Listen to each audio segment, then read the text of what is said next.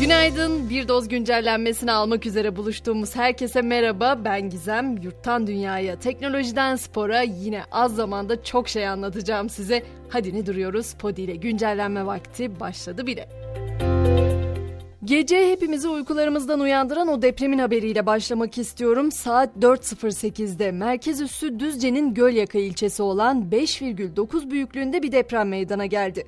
Üstelik bu depremin hissedildiği alan da oldukça genişti. İstanbul, Ankara ve İzmir'in de aralarında olduğu çok sayıda kentte hissedildi. Düzce'de bir ağır 22 yaralı var ancak bunların panikten kaynaklanan yaralanmalar olduğunu belirteyim. Depremin ardından da şu saate kadar en az 35 artçı sarsıntı kaydedildi. Düzce ve Sakarya'da bugün okullar tatil. Yeryüzünden gelen doğal afet kadar gökyüzünden gelebilecek konusunda da tedbirli olmak gerekiyor bugün çünkü meteorolojiden sağanak yağış uyarıları peş peşe gelmeye devam ediyor. Yurdumuzun geneli parçalı ve çok bulutlu olmakla birlikte son raporda Antalya ve Manisa için sarı, Balıkesir, İzmir, Muğla, Aydın ve Çanakkale içinse turuncu kodlu uyarı var. Peki bu turuncu kod neden önemli? Çünkü hava durumunun tehlikesini işaret ediyor. Tahmin edilen meteorolojik hadise sıklıkla görülmemektedir. Hasar ve kayıpların oluşması muhtemel, çok tedbirli olunmalı anlamı taşıyor.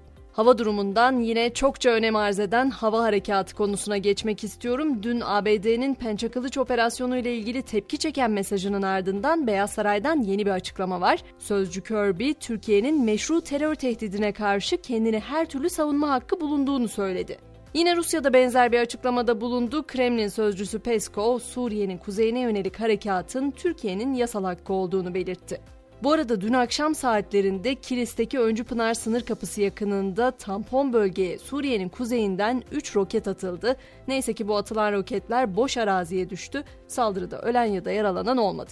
Peki Avrupa'da neler oluyor derseniz Avrupa'daki bir pozitif ayrımcılıktan söz etmek istiyorum. Avrupa Birliği ülkelerinde şirket yöneticilerinin en az %33'ünün kadınlardan oluşmasını öngören yasa teklifi kabul edildi. Uygulamayı Haziran 2026'ya kadar hayata geçirmeyen şirketlere ise ceza verilecek. Almanya'dansa teknoloji cephesinden bir haber vereceğim size. Bizim deyimimizde Volkswagen, onların deyimiyle Volkswagen yeni ürettiği elektrikli ofis sandalyesini tanıttı. Saatte 20 kilometre hız yapabilen elektrikli sandalyede otomobil hissiyatı vermesi için sinyal, korna ve müzik sistemi hatta park kamerası bile mevcut. Madem teknoloji kulvarına girdik oradan devam edelim. Meta'da kapsamlı dil modeli Galactica'yı kullanıma kapattı. Neydi bu Galactica? 48 milyon bilimsel makale, internet sitesi, ders kitabı, ders notu ve ansiklopediyle eğitilen Galactica 15 Kasım'da kullanıma açılmıştı.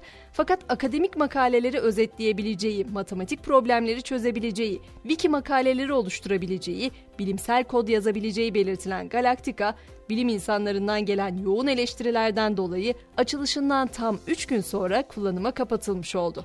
Tüm bu anlattıklarımdan öte aslında evrende sandığımızdan çok daha küçük bir yer kaplıyoruz. Bunu da bilim insanları evreni tek bir interaktif haritaya sığdırarak gösterdi aslında. John Hopkins Üniversitesi'nden bilim insanları uzun yıllardır toplanan verileri tek bir haritada birleştirdi. Map of Universe adı verilen projede bilinen evrenin interaktif bir haritası oluşturuldu. Kabaca üçgen gibi görünüyor harita. Sadece 200 bin galaksi yer alıyor içinde. Oysa gerçek sayı 100 milyarları aşıyor. Eğer siz de bu konulara meraklıysanız mapoftheuniverse.net sitesinden bu haritayı inceleyebilirsiniz. Ama yok ben böyle şeylerden hoşlanmam. Benim işim müzikle derseniz o zaman size biraz da müzik haberi vereyim. 2023'te yapılacak Eurovision şarkı yarışmasında önemli değişikliklere gidiliyor. Gelecek yıl itibariyle büyük final profesyonel jürilerin oyuyla değil izleyicilerce belirlenecek. Öte yandan yarışmaya katılmayan ülkelerin de ilk kez oy kullanmasına izin verilecek. Müziğin spor dünyasıyla kesiştiği bir noktadan da haberim var. Dünya Kupası tarihinde ilk kez bir Türk sanatçı sahne alacak. Son dönemin popüler isimlerinden Zeynep Bastık, Katar 2022 Dünya Kupası töreninde sahne alacağını duyurdu. Bastık 24 Kasım yani yarın BTS, Nicki Minaj gibi isimlerle aynı sahneyi paylaşacak. Hazır Dünya Kupası'ndan konu açılmışken Arjantin'i mağlup eden Suudi Arabistan'da heyecanın dünle sınırlı kalmadığını da anlatmak isterim. Ülkede bugün resmi tatil ilan edildi. Kupada bugün hangi maçlar var peki Gizem neyi takip edelim derseniz hemen onları da sıralayayım. F grubunda saat 13'te Fas Hırvatistan, 22'de Belçika Kanada karşılaşmaları var.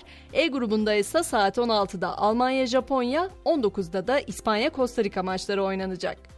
Ve malumun ilamı. Verdiği röportaj sonrası takımı Manchester United'la bir takım sorunlar yaşayan Cristiano Ronaldo için beklenen haber geldi. Manchester United takımı sert sözlerle eleştiren Ronaldo'yla yolların karşılıklı anlaşılarak ayrıldığını açıkladı.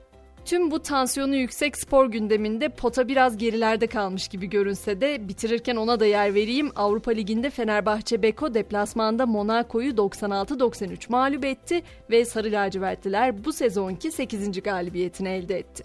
Bu haberle ben de bugünün sabah güncellenmesini noktalıyorum. Akşam saatlerinde yine burada olacağım. Sizi de bekliyorum elbette. Görüşmek üzere. Güzel bir gün geçirmenizi diliyorum. Hoşçakalın.